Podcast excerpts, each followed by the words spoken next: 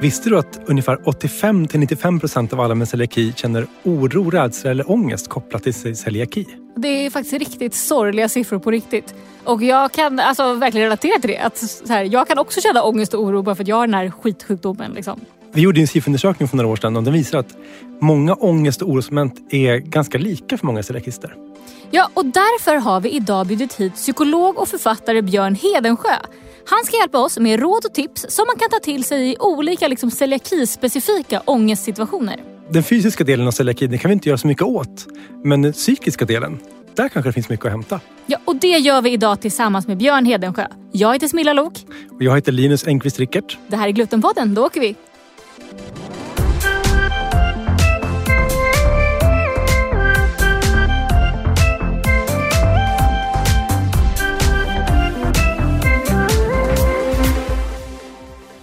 Vi har fått in otroligt mycket liksom engagemang och massa frågor inför just det här avsnittet. För att det är uppenbarligen ett ämne som många berörs av och många engageras kring. Eh, men innan vi bjuder in dagens gäst i studion så har vi såklart ett nyhetssvep. Nyligen publicerades en artikel i den stora vetenskapliga tidskriften Nature. Forskare har kommit fram till att barn med celiaki verkar få en autoimmun reaktion från mjölkprotein som skadar emaljen på tänderna. Det ska handla om en reaktion som uppstår innan barnen fyller 10 år, under tiden som emaljen bildas. Exakt vad detta innebär framöver återstår att se. Men fler studier är på gång och eh, tandläkare behöver nog ha större koll på emaljskador hos små barn och kontakta den reguljära sjukvården och flagga för misstänkt celiaki. Vad sjukt! Vadå, så att barn liksom under 10 som har dålig emalj på tänderna, de kan ha celiaki? Ja, och, och man har känt till länge att alltså här, som emaljskador är ett tecken på celiaki. Men det man såg här då, det var liksom att, att mjölkprotein, alltså inte gluten, utan mjölkprotein skapar den här reaktionen hos människor med celiaki. Vilket är liksom väldigt, väldigt märkligt. Makes no sense Det makes no sense. Men, men celiaki, det är en sjukdom som inte riktigt mäcker så mycket sens tyvärr. Den är, den är bara galen. Liksom. Den ger ju symptom som ingen förstår. Eh, och sen det här nu också då. Att det kanske är mjölkprotein som människor med celiaki reagerar på just i munnen och skapar då liksom emaljskador. Och just innan man är tio år så är det de här emaljskadorna som, som skapas. Sjukt intressant. Om man har barn som är under tio och har dålig emalj, då vet man vad man ska kolla helt enkelt. Definitivt. Kolla celiaki. Och det, när du har det här exemplet, det blir så tydligt att så här, det finns så mycket saker att oroa sig för. Eh, som förälder till barn med celiaki eller om man själv har celiaki. Det känns som att det blir hög tid att bjuda in vår gäst nu.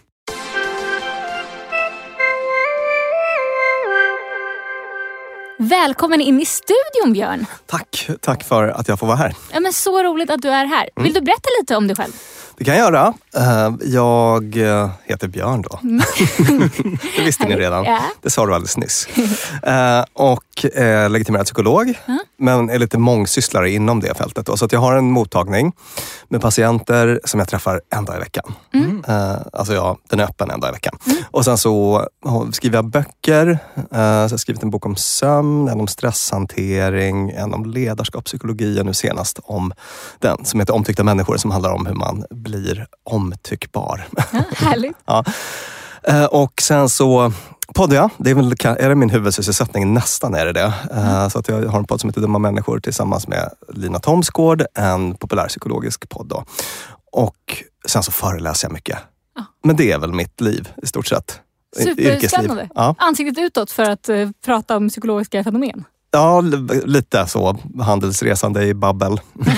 Perfekt för just det här avsnittet av vår podd också. Ja, och jag är ju då ingen expert på celiaki, verkligen inte. Men eh, oro och ångest är jag ganska bra på. Mm. Eh, alltså även om situationer kan se olika ut, eller gör det för olika personer, så, så brukar det egentligen vara samma liksom, grundläggande mekanismer det handlar om. Så att det känns som att jag säkert kommer ha något att säga idag i alla fall. Det tror jag. Mm. Det tror jag absolut. Bara det faktum att liksom 85-95% med celiaki känner oro eller ångest på grund av celiakin. Redan där har vi ett case. Liksom. Ja. Men vi har ställt massa frågor på Instagram och fått in flera olika svar. Både från min Instagram och från Celiakiförbundets Instagram. Och från Celiaki ungdomsförbundets Instagram också. Ja, både liksom skrivna frågor men också voiceade frågor med Ja. medlemmar som har eh, spelat in vad de tänker och undrar. Eh, och vi har liksom försökt sammanställa det här. Det var ett enormt engagemang och försökt liksom kategorisera olika typer av situationer som kan skapa ångest eller oro. Och vi tänker att vi går igenom dem en och en helt enkelt. Ja, Ser vi om jag har något vettigt att säga. det tror jag absolut.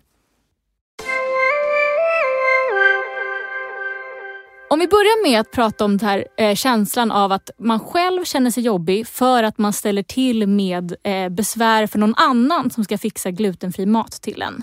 Mm. Eh, då fick vi in liksom väldigt mycket frågor på det temat. Och Linus, visst finns det också någon SIFO-undersökning som eh, handlar om det här? Ja, vi beställde en SIFO-undersökning för några år sedan, 2020. Och en av frågorna var om man tycker att det är besvärande att göra människor frustrerade när de anstränger sig för att tillgodose sina behov. Alltså man då behöver få glutenfri mat. Och 89 procent av de vuxna och 81 procent av föräldrar till barn med celiaki tyckte att det här var besvärande i liksom då olika stor utsträckning. Mm. Eh, ganska många ligger ändå på liksom den övre skalan då. Mm. En, en sjugradig skala. Det, det pekar på att många tycker att det här är jobbigt. Ja, och vi har ju en lyssnare som har skickat in en fråga. Hej Glutenpodden! Stunden som jag har mest ångest över min gluten är när man är bortbjuden på middag och man har försökt vara tydlig med att man inte kan äta gluten och man märker att de verkligen har ansträngt sig för att göra det glutenfritt men i slutändan så är maten ändå inte glutenfri. Det är så jobbigt för man märker att det verkligen har ansträngt sig och försökt men så kan man ändå inte äta det. Mm. Ja. Alltså, jag tänker så här att det är besvärligt. Ja. Och det typ kommer att också vara besvärligt på något vis. Alltså, det här har ni säkert själva erfarenhet av, att ni hamnar ni ofta i sådana situationer? Eh, ja, men eh, jag kan eh, hamna i det. Folk tror att de har gjort glutenfritt eller tror att de har gjort rätt och sen så själv ser man att det är ströbröd runt kakan. Det ströbrödet var inte glutenfritt eller det, det, det, det liksom hälls på någon sås som inte var glutenfri. Och hur brukar du hantera det? Eh, Alltså eh, olika skulle jag säga från att jag var liten till nu. När jag var liten så eh, fick jag lite så panik och bara liksom tyckte att det var super, super jobbigt. Sen kanske det var en period när jag var lite mer tonåring där jag var så här, ah, men då tar jag bort det. Jag skrapar bort såsen och äter den då. Typ. Fast jag vet att det är farligt, så ska man inte göra. Liksom. Mm, okay. Eh, och nu kanske jag är lite mer vuxen och är såhär, oj det blev lite fel typ. Eh, mm. Och så blir det jättekonstig stämning och så går man vidare och sitter med en klump i magen. Ja, precis. Alltså, jag, jag tänker, uh, i den typen av situationer, det finns ju något då som, som man typ inte kan ändra på, nämligen att mm. det har blivit fel. Mm. Uh, man kan inte äta det här. Så att det är utom ens kontroll. Uh, vad är det som är inom ens kontroll? Det, det är att Alltså man kan ju bekräfta ansträngningen. Uh, jag, ser, jag ser att du verkligen har ansträngt dig och mm. jag är jätteglad för det. Mm. Uh, nu är det tyvärr så att jag kommer inte kunna äta det här eh, mm. av det här och det här skälet. Alltså att man är, får vara så rak i kommunikationen men att man ändå kan på något vis bekräfta att man har sett att den här personen har ansträngt sig och så. Eh, det tänker jag är det bästa man kan göra i en sån situation. Och sen så den är ju definitionsmässigt besvärlig och det är säkert någonting som man kommer få vara med om igen och mm. igen mm. och en gång till. Sådär. Så att det är bara att, att, att göra det, det, bästa av det. Uh, det går liksom inte att trolla bort det besvärliga, det finns där. Men mm. man kan göra det bästa av situationen och då är det att ändå plussa den här personen som gjort en ansträngning för en. Ja men det är väl uh. jättebra. Vet, det var en annan person som skrev in eh, en lite längre liksom, resonemang men som slutade med typ så här, jag tycker också att det känns jobbigt att eh, om jag känner mig lite orolig för att personen som lagade maten inte har tänkt på alla aspekter. Liksom. Mm. Tycker jag det är jobbigt att behöva utmärka mig och ställa ledande frågor om ingredienser för att låtsas vara intresserad av receptet när jag egentligen bara vill försöka bedöma själv om de har koll och försöka luska ut om det kan vara mm. något fel. Och Det här känner jag igen mig jättemycket Gud vad jag gjort det här i mina dagar. Ja. Åh vad spännande soppa. Vad har du rätt den med för den ser så tjock och god och jag mustig ut? Ja. Är det rätt att gå? Eller? Alltså, det, det, är ju på ett sätt liksom socialt kompetent att man med minimal friktion försöker få fram eh, information. Men, men, jag tror att det kan vara mycket, mycket mer effektivt och, och, och skönare för egentligen alla inblandade att vara lite rak mm. där. Och då kan man ju eh, säga att så här, Uh, alltså jag förstår att uh, jag har absolut ingen förväntan att du ska kunna det här. Varför skulle du kunna det? Mm. men jag är, är, väldigt påläst och därför tänkte jag bara kolla.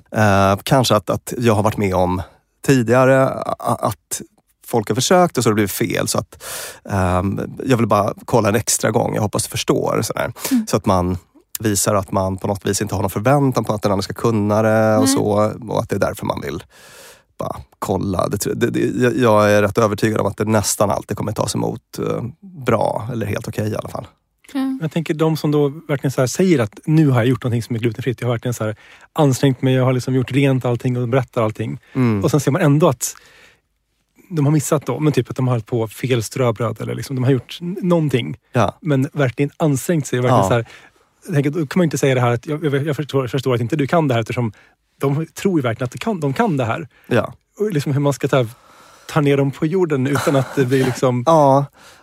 Återigen, då, tror- då, då tror jag att det handlar om att eh, plussa dem för ansträngningen. Mm. Alltså, typ, man kan ju säga, jag blir verkligen rörd av att se hur mycket tid och energi och engagemang du har lagt på att få till det här. Eh, men eh, Mm. det är inte så lätt för dig att veta. Vi, jag har sånt otroligt liksom, informationsövertag här. Mm. Alltså att man säger på något mjukt och fint sätt att får man bara förklara att, att, att det blev fel, att det inte går. För att det, det går ju inte att äta det här. Och då måste man välja bara hur, hur ska jag kommunicera kring det. Och då tror jag att det är jättesmart att lyfta den här personen för allt en- engagemang och ansträngning. Det är ju verkligen fint. Sådär. Så, och sen så blev det lite fel. Mm. Ja. Men eh, en annan situation som är lite lik men ändå lite annorlunda som jag var med om bara för någon vecka sedan var Mm. att det var så här, eh, Lucia-fika på jobbet Mm. eh, och alla fick någon så jättegod lussekatt typ som var någon så, från specialbageri. bla, Så här. Det var väldigt mycket hype kring de här lussekatterna. Ja. Och hon som var ansvarig för att fixa det här kom liksom springande fram till mig mitt bland alla och var så här, jag har inte gjort något glutenfritt, jag är så ledsen, jag hann inte. Åh, vad tråkigt, nu får du ingen lussekatt och det är så tråkigt för dig. Och så. Mm. Och jag kände där och då, jag skiter i den här lussekatten. Alltså, det är verkligen ingen big deal för mig. Jag vill bara inte att det ska... Så här, du behöver inte må dåligt för du inte har gjort det till mig. Nu blir det bara dålig stämning här, eller konstig stämning när alla tycker synd om mig för att jag inte fick en lussekatt jag inte ens hade bett om. Ja, just det. Eh, För där är, det- har inte uppstått något problem egentligen. Det är lite tråkigt att jag inte fick en lussekatt. Men Ja, precis. Du hade ju känt dig eh, säkert mycket mer sedd om du, Ja. om du hade fått en lussekatt. Så att det hade väl varit fint kanske om, om, om de hade fixat det. Det jag tänker, det, det misstag hon gjorde var väl att ta det inför alla. ja, Ehm, Du hade inte bett om någon spotlight på dig i den situationen. nej. Eh, Så att det kanske hon hade kunnat förklara, tagit det till, sidan av och berättat om det här. Men vad tror du är bästa liksom, responsen från mig? För jag kände mig lite så här caught off guard. Att jag inte visste vad jag eh, skulle säga. För de sa ja det är lugnt. Eh, Det var det du sa. Alltså, Ja. Då tänker jag så här, eh, ja, vad är bästa responsen? Vad, vad var din känsla? eh, först och främst, det, jag vill inte att hon ska må dåligt över det. Alltså, eh, så att, även om jag tycker att det är lite tråkigt så Mm. är det tråkigare om hon har ångest över att hon inte har fixat en lussebulle. Alltså, Ja, uh, okej. För då tänker jag att då är det väl bra om du förmedlar det, mm, det du vill säga Ja. eh, på, på något sätt. Så att, ja, på ett sätt var det väl en, en ganska bra respons. Om du ville, jag antar att du ville minimera det i den situationen. Och sen så kanske efteråt kan du ta upp med henne eh, att det hade varit kul om jag också hade fått den. Eh, om det är så du känner. Så här. Mm. kanske plussa nästa gång när hon fixar något glutenfritt. Ja, just det. Det brukar vara bra.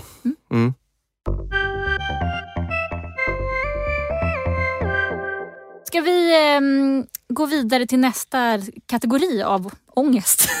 säger. eh, den handlar då om oro kopplat till utlandsresor eller liksom förlorad kontroll i samband med utlandsresor. Ja. Och här finns också en SIFO-fråga. Det man har svarat på är att om man tycker att resor blir besvärligare på grund av celiaki och behov av glutenfri kost. 89 procent av vuxna och 92 procent av föräldrar till barn med celiaki svarar att de tycker att det här är mer eller mindre jobbigt. Ja, det är nästan alla där med kan man säga. Ja, Vi har fått in väldigt många svar som är kopplade till just det här. Eh, men en person specifikt har skrivit eh, Jag kan känna oro inför att resa. Vet inte om det kommer finnas glutenfri mat och jag kan inte packa mat för en hel vecka. Det blir svårt att veta om personalen på restauranger förstår när de pratar ett annat språk. Mm. Hur ska jag tänka? ja. Ha, har du varit ute och rest? Ja, det har jag. Eh, och framförallt när jag var liten så packade ju mamma och pappa en resväska med mat. Liksom. Ja, Eller bröd och snacks och bars typ. Mm. Eh, och sen ju mer jag inte känner att jag kan ta en banan lika gärna desto mer har jag liksom slutat ta med mig saker. Okej. Och Hur, hur brukar det lösa sig? Eh, ja, men man, man dör inte. Ibland är man lite hungrig eller får en tråkig mat. Liksom. Ja, Men det löser sig alltid på något sätt. det löser sig alltid på något sätt. Ja. Eh, just det. Så, att, så är det ju ofta med oro. Det, det fanns en sån studie som jag ganska ofta brukar referera eh, på.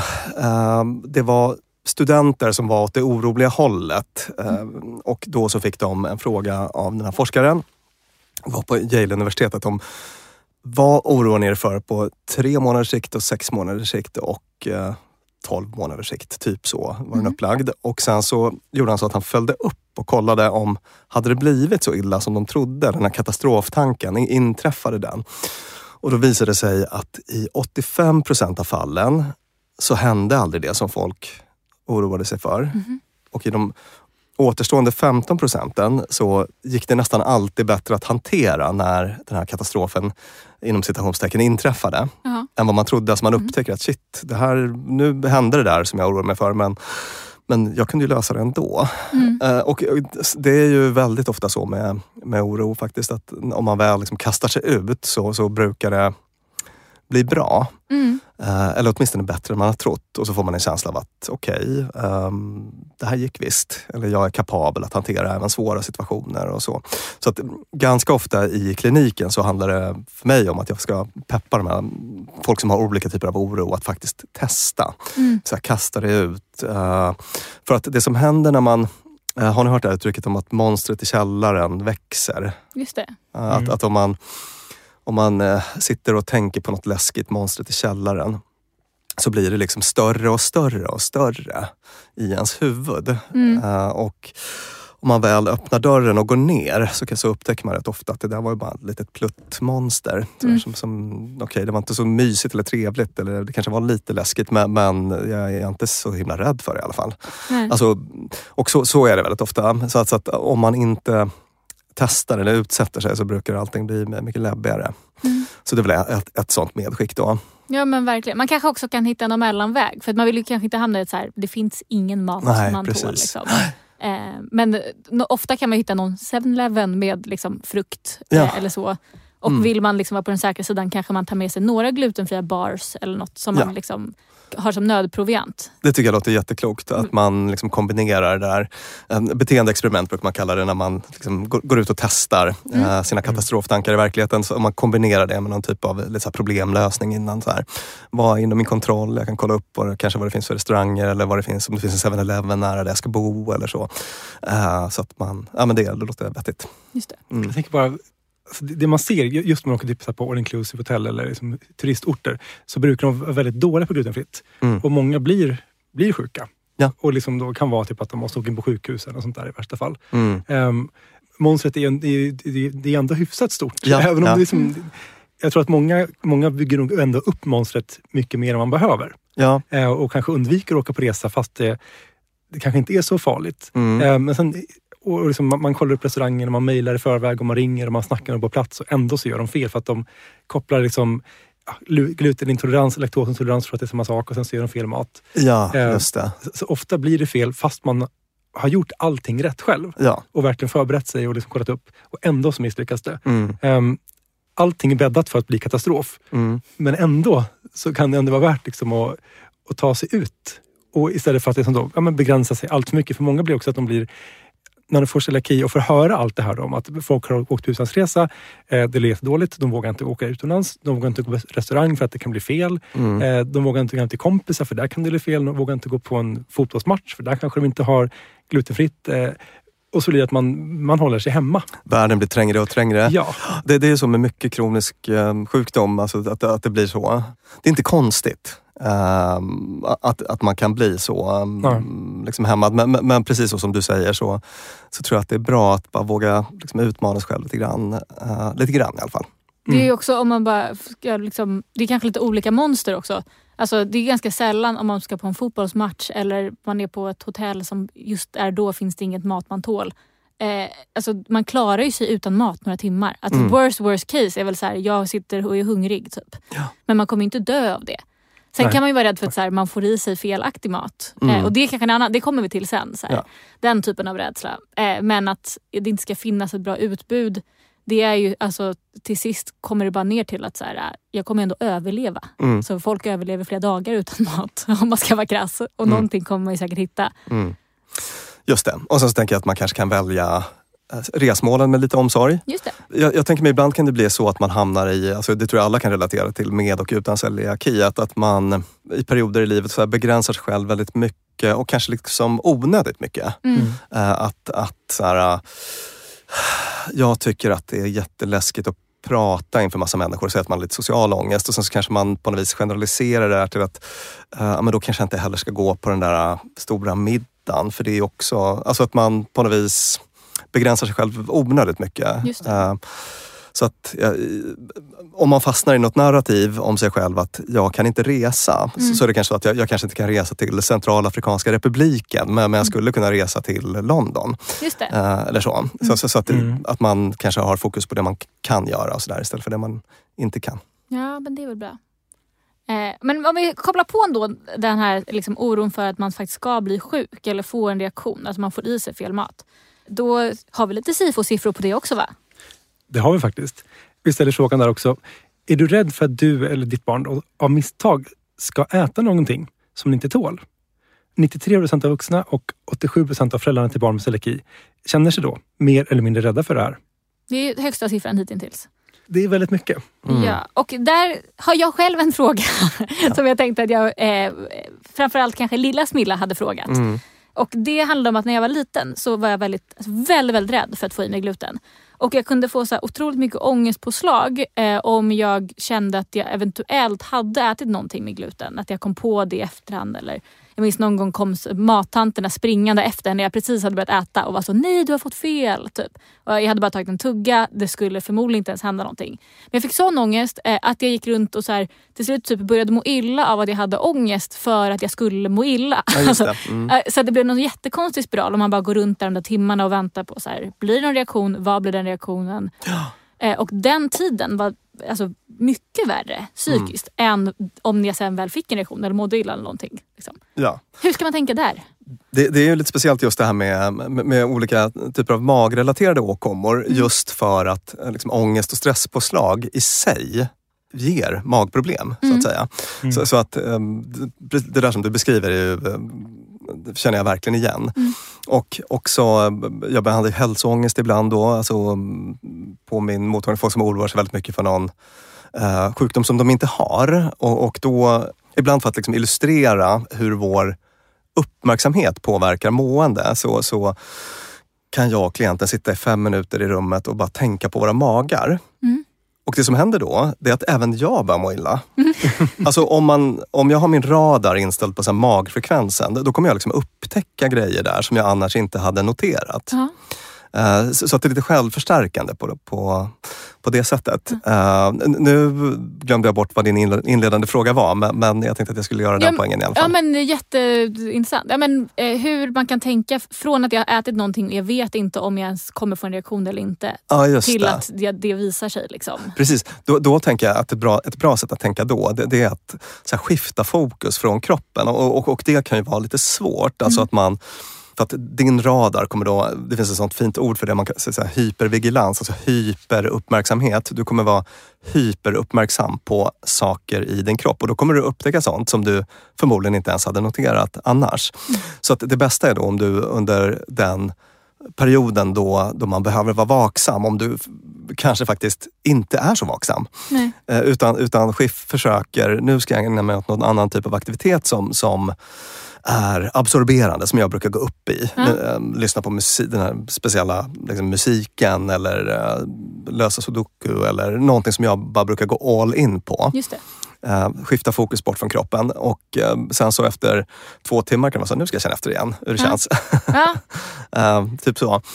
och då kanske du bara seglat igenom ja, de här lätta symptomen eller inga symptomen som, som du annars skulle kanske ha framkallat med äh, ångest, stressreaktion. Ja. Ja.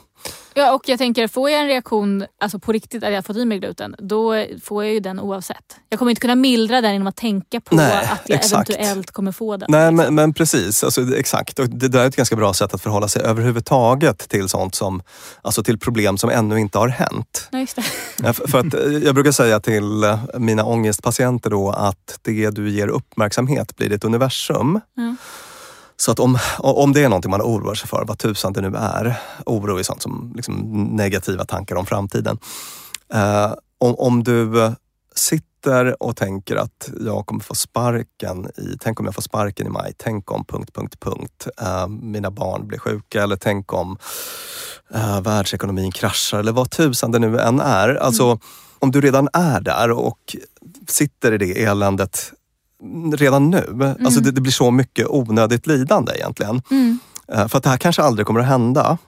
Eh, Eller så kommer det hända sen, men, men då kan du ta smällen då på något vis. Ja. Så det, är bara bättre att försöka, lättare sagt än gjort, men att försöka förlägga sin uppmärksamhet på annat eh, i den perioden. Och sen så kommer det så kommer det, då får man deala med problemet då. Och det går som sagt då oftast bättre än vad man tror. Ja. Eh, Och då, man kanske kan liksom eh, förflytta eller vara på en plats där så här, okej men om jag börjar må jättedåligt nu då är det lugnt. Alltså kanske typ åka hem från jobbet eller? Ja. Eller är det dumt att sätta sig på en tunnelbana och åka hem från jobbet och fundera på ska det här hända? Eller inte? ja, det tycker jag väl är lite dumt i, i så mått att man Det är svårt alltså- att skifta uppmärksamhet då. Då har man ju verkligen inlett för, för, för då har man redan bestämt sig för att man, är, ehm, att man mår dåligt. Ja, Ehm, och det, det kan väl bli lite självuppfyllande då, tänker jag. ja. Eh, eller det finns en risk för det i alla fall. Mm. Så, så, så bäst- alltså man kanske kan göra en plan Mm. och sen parkerar man frågan. Så här, eh, ha, om jag börjar må illa nu, då lämnar jag över eh, det här lilla projektet jag håller på med till Kalle, min kollega, och så drar jag hem.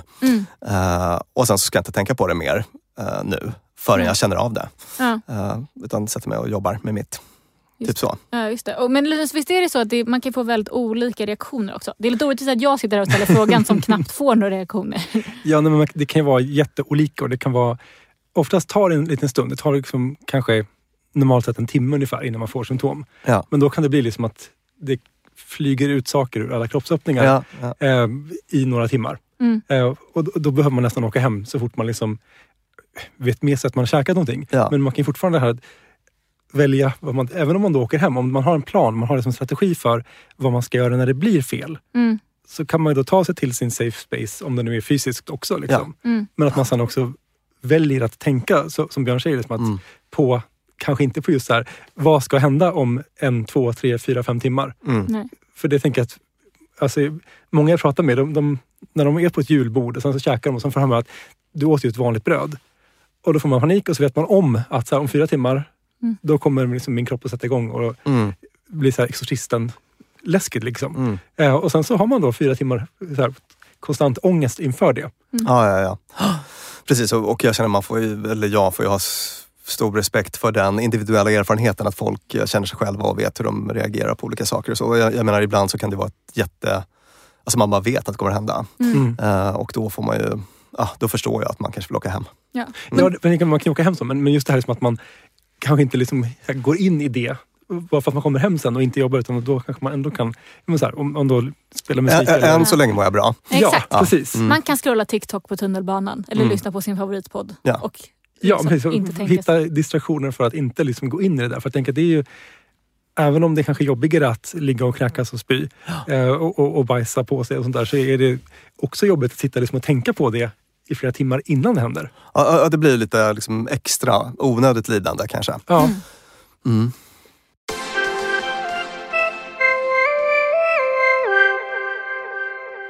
Då går vi vidare till nästa kategori och den handlar om ångest kopplat till att vara annorlunda eller sticka ut. Och det var det väldigt många som skrev in om. Och här har vi ett exempel. Hej! Jag har en fråga och fundering kring julbord, men framförallt så kallade events. Det kan vara mässor och alla former av jobbtillställning. För det första att alltid vara den som står ut, är speciell och ska ha särbehandling. Och nummer två, att alltid oroa mig för vad jag får serverat och vad som finns tillgängligt. Det fungerar sällan och jag har alltid nödproviant med i väskan.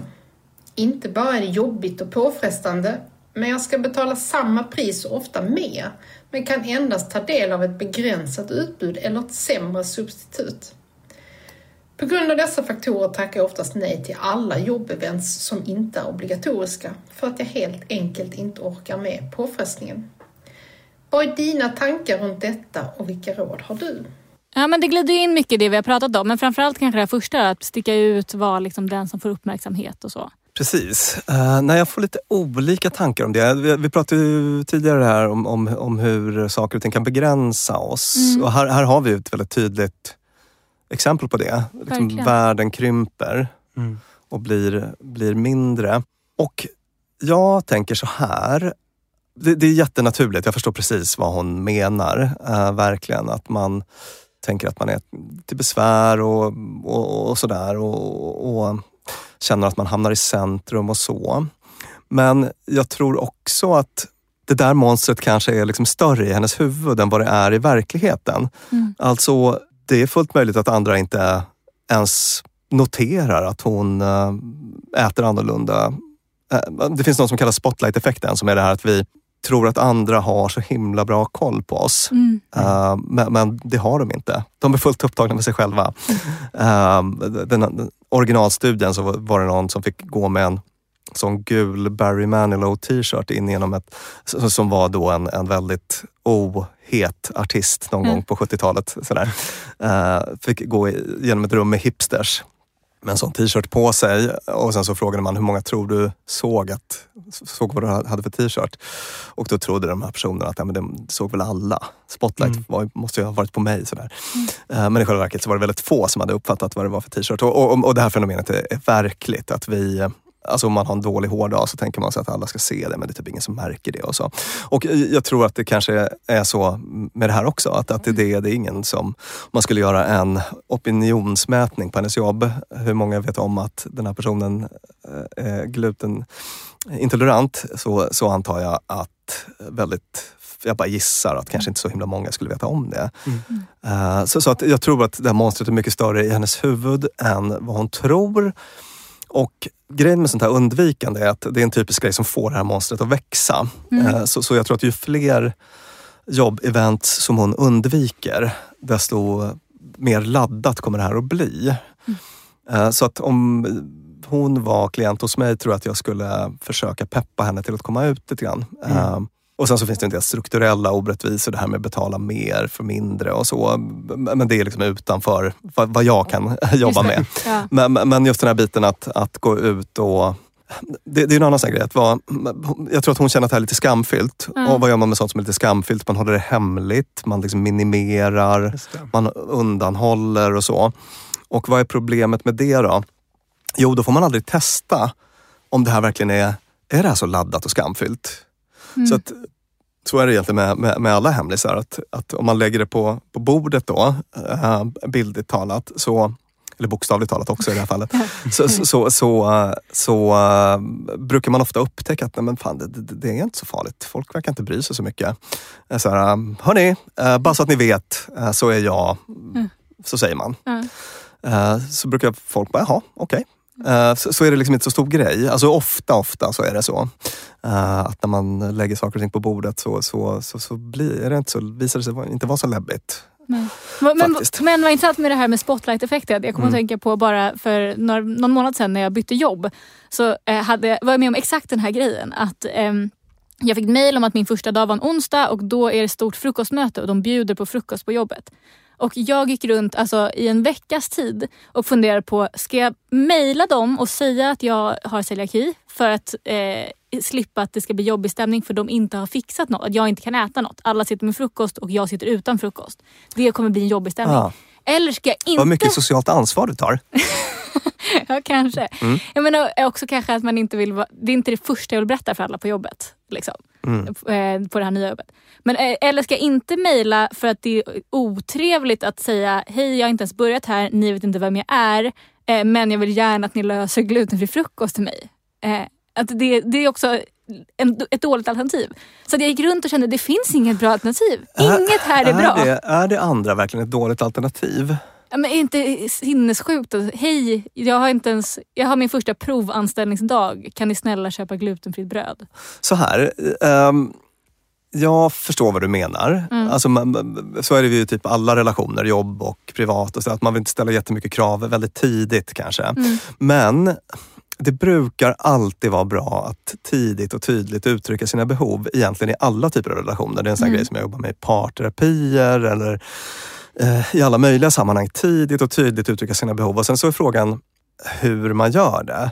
Och, och det finns massa bra sätt att, att göra det. Alltså till exempel med humor. Just det. Alltså, du, du kan ju liksom skoja med dig själv och, mm. och med, med den här situationen. Så här, Uh, hörni, lite knasigt här att mm. jag på min första provanställningsdag ska komma. Alltså att du bara skojar lite med grejen. Just det. Men, men uttrycker alltså det, det brukar vara schysst för alla tycker jag. Ja. Det, det, det, är, det är också schysst för, för, för din arbetsgivare i det här fallet. Mm.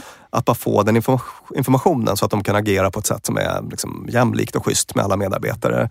Känns bra för dem. Mm. Uh, för att vad är det vi gör när vi inte tidigt och tydligt uttrycker våra behov? Jo, då förutsätter vi tankeläsning. Mm. Och så gör, eftersom tankeläsning inte funkar så kommer folk inte göra som vi vill och så kommer vi bli besvikna och passivt aggressiva istället. Kanske ja. går runt och surar för att det inte är som vi vill. Sådär. Så det, det, är alltid ett bättre alternativ ska jag säga. Att, att har man ett riktigt behov, uttryck det eh, och känns det påfluget eller så eller ja, men gör det på ett roligt sätt eller på ett vänligt sätt. Eller, ah, det finns alltid vägar framåt men, men det brukar vara bra att uttrycka.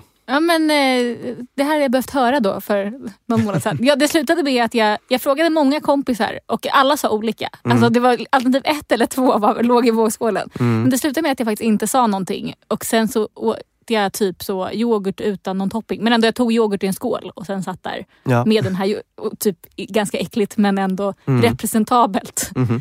Eh, och då tänkte jag också, nu titta, gud jag är en sinnessjuk person som kommer på den här stora frukostbuffén och tar bara yoghurt, vit yoghurt i en vit skål. Ja. Gud vilken tråkig person. Men det är kanske då lite spotlight effekt. Jag tror ingen ens tänkte på. Om man idag Nej. skulle fråga, vad åt jag egentligen första ja. dagen?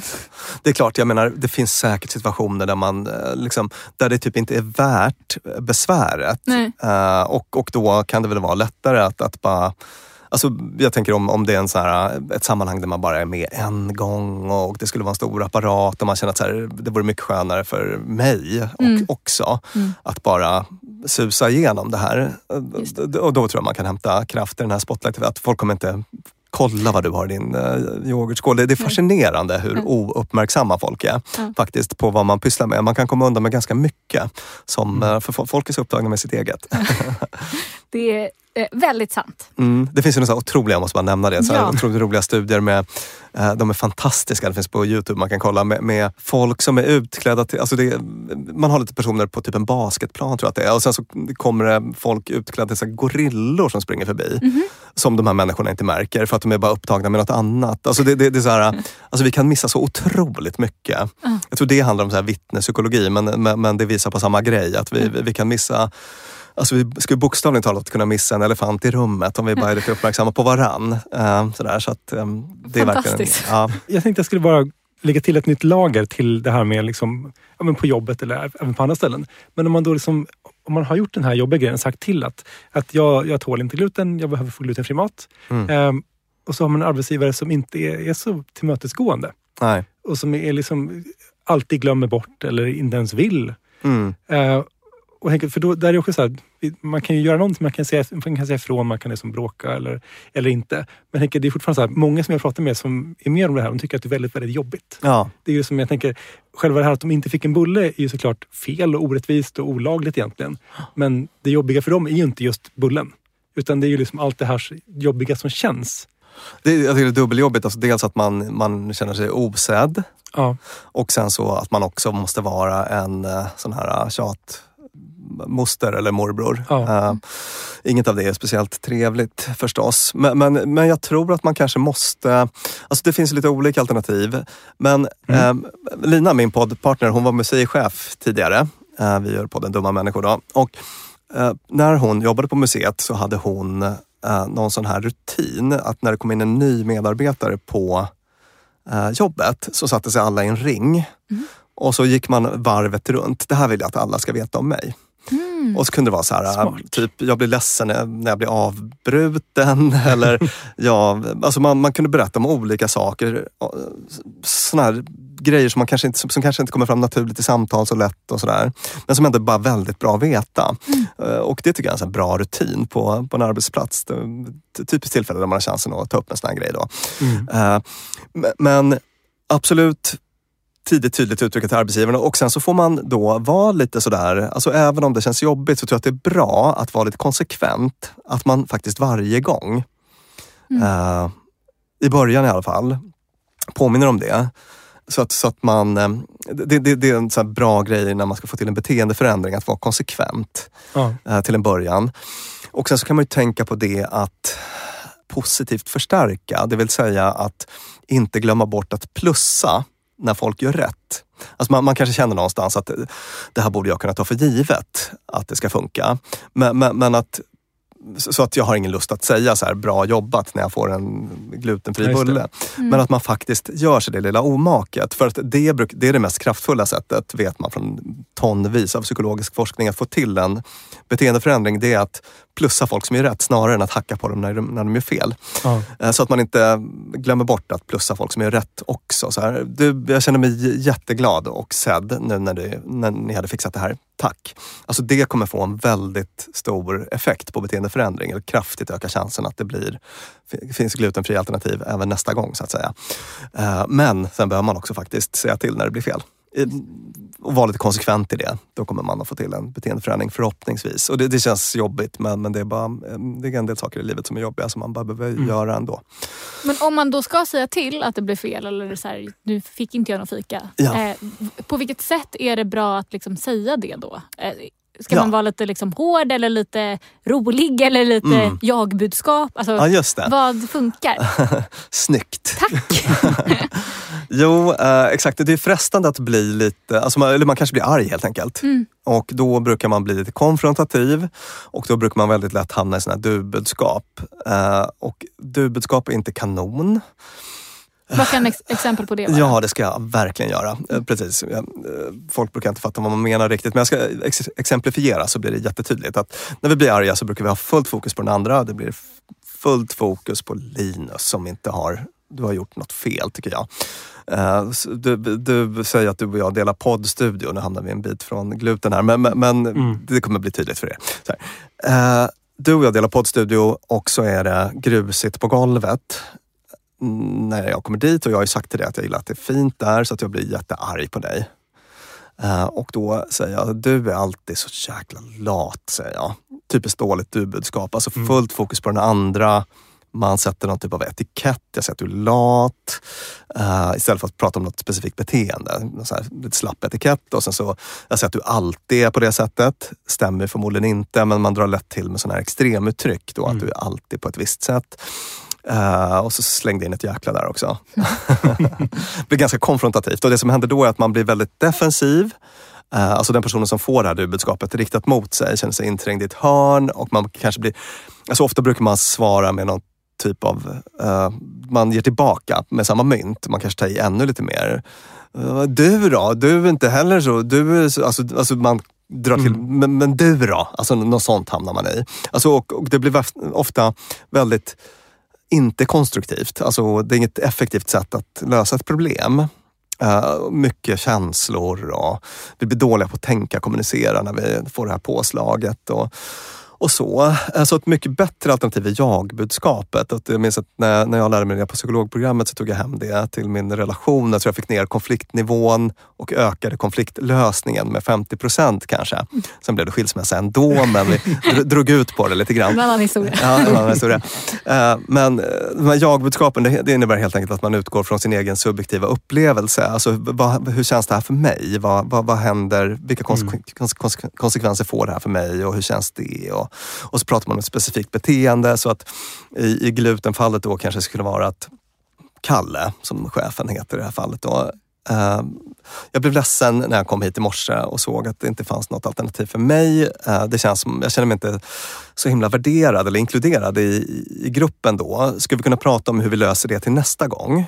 Alltså det, man tar upp samma problem men på ett mm. mycket mindre konfrontativt sätt än om man säger ehm, Du bryr dig inte om mig, du är alltid så jävla arrogant och bla bla bla. Alltså så. Hetsigt mot chefen. Ja, det är hetsigt mot chefen eller mot kollegan. Alltså, man bara ökar chansen till att det här ska bli bättre nästa gång om man har den där icke-konfrontativa stilen. Även om man är sugen på att blåsa på lite kanske. Just det, och man kanske mm. kan gå till, liksom, inte den som köpte fikat exakt då, utan kanske gå till sin chef och säga jag blir ledsen när jag inte får något fika.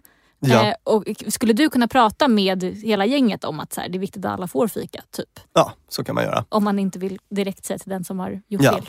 Visst. Lite ja. undvikande kanske. Eh, det är lite undvikande men det är, det är klart att det är chefen som är ansvarig för arbetsmiljön och att alla ska känna sig inkluderade och in, kanske inte den enskilda medarbetaren som fick i uppdrag att köpa fika. Då. Mm. Ja för det är ju olagligt som du säger. Det finns väl en arbetsrättslags... Ja, alltså, har man en funktionsnedsättning. Då har, har man ju liksom diskrimineringslagstiftningen att mm. luta sig mot.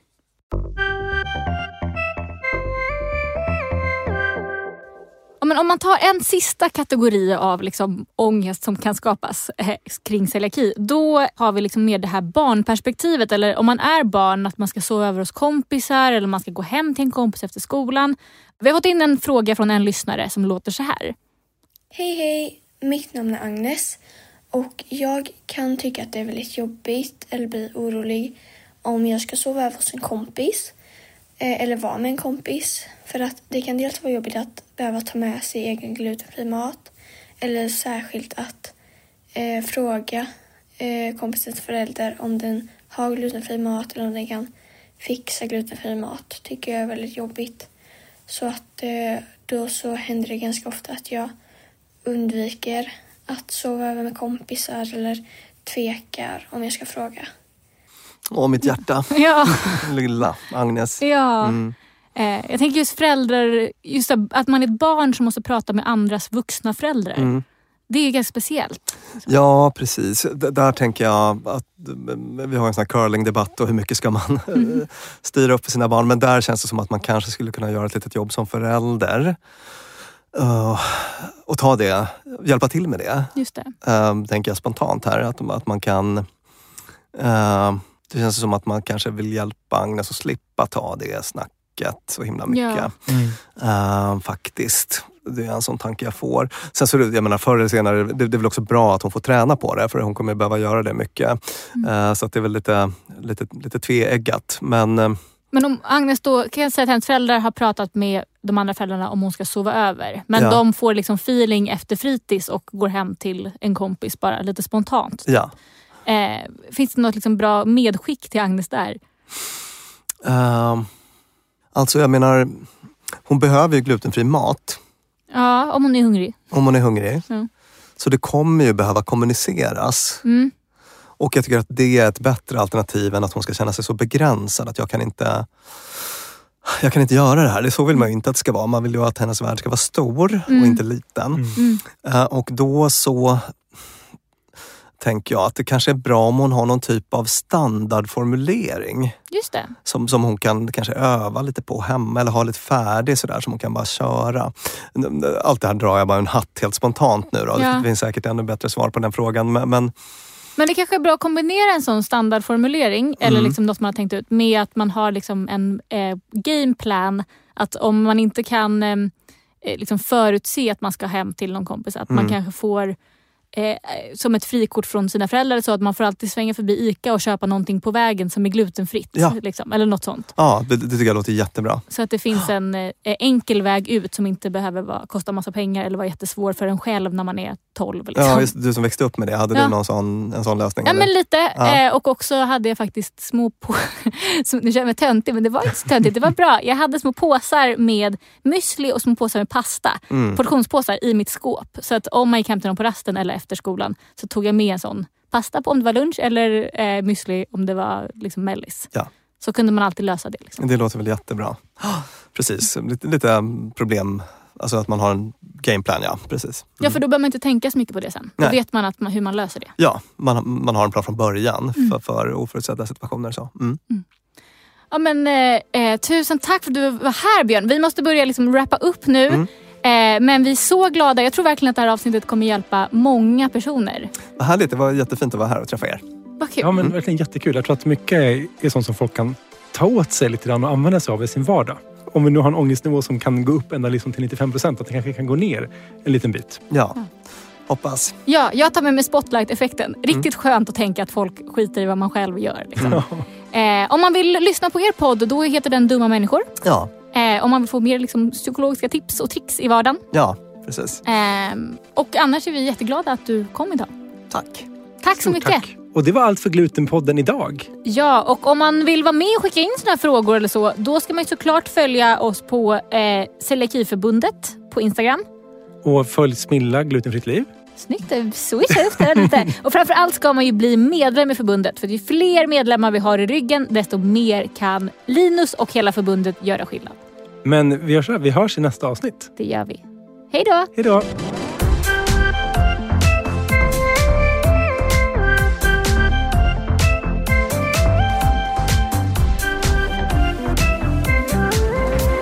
Det här programmet görs på Beppo. Beppo.